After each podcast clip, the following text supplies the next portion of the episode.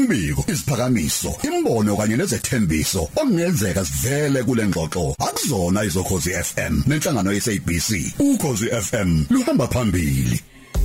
Luhamba phambili ukhoze FM amandla omnotho nogugulethu akaXaba unonkosi. Umhlaziwe zomnotho sikubingelele mfowethu.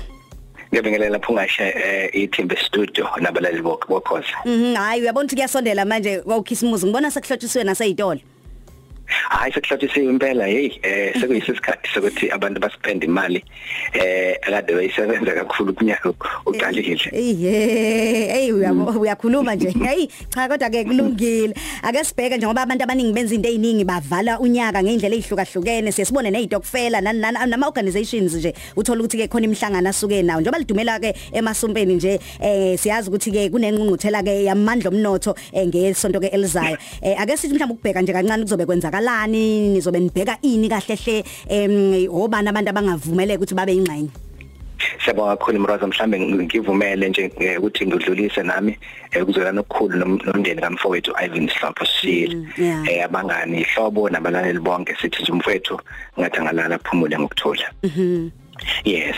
So ke mhlambe Mroza angingene kuloko okubuzayo. Um uyazi ukuthi uma njalo uqala unyaka sikhulume ngehloko ezithile sibheka kakhulu umnotho ngoba kuyinto ekufanele sihlale sibheka njalo ngoba yonke into empeleni yencike futhi yakheleke ekuthengisa leneni nokwenza lokukhiqiza impahla. Em ukhumbule nje kuleli viki noma kulenyanga i-entrepreneurship month kodwa kuleli viki kusuka ngomsombuluko kuze kube lesihlanu kuye kubizwa kuthiwa i-global entrepreneurship week.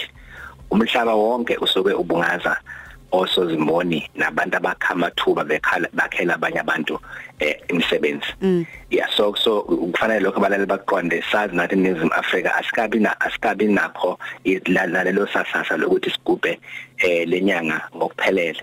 Empeleni fangabe yonke ama department nezindawo eziningi nezikole zihlohla lokho zifaka lokho ukuthi this is an entrepreneurship month. So wala ke sinenkomfa eyenzekalayo Mbroza next week. Mm. Ebalulekile kakhulu ekufanele ukuthi wonke umuntu abe ingxenye yayo. So sizobe sinomama uPeggy Ngonyeni eh ozobe ekhuluma ey speaker eh use use Egypt njengamanje ngicabanga athende i udaba lwe lokhuzana lokutshala kwemali kanjalo. Bese siba nabantu abazokhuluma ngeagriculture nobudlelwane ngoba eh sike sakhuluma lapho ukuthi emavikini noma eminyakeni emibili ezayo kuthiwa iningizimu Afrika izobe intula kakhulu lapha kwezokudla. Eh sizobe noambassador ozobekhuluma ezositshengisa imodel yase Uganda esingayisebenzisa nathi la ukungazondli nje kuphela ugcwalisa izisu kepha ukwakha ibhizinisi. Kuyobe khona nabantu ke futhi abakhuluma ngeinto ezihlukahlukene ngoagriculture namadata kuyinto eminingi esizongena kuyona siyisebenzisa. Bese sidila kakhulu nalokho esikubiza nge-medicinal herbs amakhambi.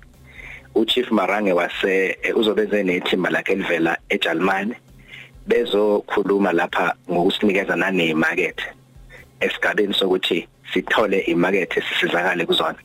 Eh nane hemp le hemp esisihlale sikhuluma ngayo eh ine umansangwana lo nensango sizobe sinabantu abazothi nansi imarket dalanike ihemp bese ni supply eh sobe sibheka futhi ne biodiesel amathuba e biodiesel maqondana nalokho esesikhuluma ngakho isihlahlana lesi semoringa sasebenza nempushana yakhona lapha e-studio edliwayo. So besibheka udaba lwemoringa ukuthi abantu bangasebenzisa kanjani ihlahla lezi ukuthi eh basupply lenkampani enkulu esikhicizela oil la eSouth Africa. Eh esinikeza abalaleli ithuba abafuna ukungena emabhizinisini. Kube yi-eco estate development ukuthuthukiswa nokusetshenziswa kweindawo zasemakhaya sakha ama-estate nama-gated estate emakhaya sekuqalile egoli lokho esikhuluma ngakho. Kodwa sifuna ukuthi silethe ulwazi ekuthenini bantu bangakanjani eh laba abakhayo eh kungancikwa nje kuphela kuma tender kodwa futhi sobe size nabantu abathi bangafunda abantu abafuna ukwenza lezo zinto esigabeni sokwakha ama development ahlukahlukene emakhaya.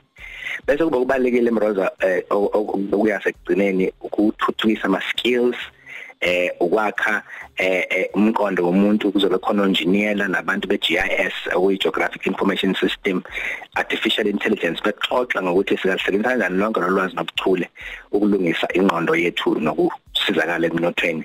Um lowa founder iMarket Bean uzobe khona nathi ekhuluma ngobumqoka boku kwazi ukuyixhumanisa nabanye abantu ngoba ibhizinisi abantu balenza nabantu ababathembayo nababaziyo. Uzazisa kanjani ke wena ukuze uthembakale? Kanjalo nobumqoka bemedia eh ama radio nama TV ukudlulisa ulwazi eh bese kuba ke futhi nabantu abazobe bekhona bezo eh khuluma ngokuthi eh nansi inkece ungakwazi ukuthi ube inkece ungayithola phi nxa ufuna ukwenza uhlobo oluthile lomabhizinisi okugcina sizobe silontsha lokho esikhulume ngakho mroza operation mbuyele ekhaya. Eh ethi wonke umuntu angabuyela kanjani ekhaya enzeni futhi mayisekhaya kwezemabhizinisi? So isinonhlanhla mdala kumfana nomajalimane eh sizobe sihola naye lolo hlelo lokuxoxisana na wonke umuntu ozobe engxenye le conference ukukhuthaza ukuthi iziphi izinto efasizenze emakhaya sithuthukise iminotho yethu. Mm.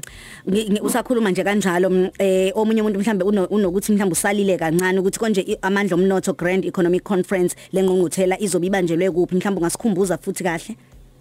Izoyibanjelwe lapha City Exhibition Center ICC eh Mroza ngomhla ka24 kube umhla ka25 ulesihlanu usuke ekseni ngo8 kuze kube half past 4 bese bafuthi la ngomgqibelo ngo8 kuze kube half past 4 eh lapho sobe sihlezi phansi khona sicwaninga umnotho singajahile emroza sicwaningisisa sixoxa sifakana imlomo ngokuthi sizakha kanjani thina. Eh so abantu ke bangaya kwi web page yethu.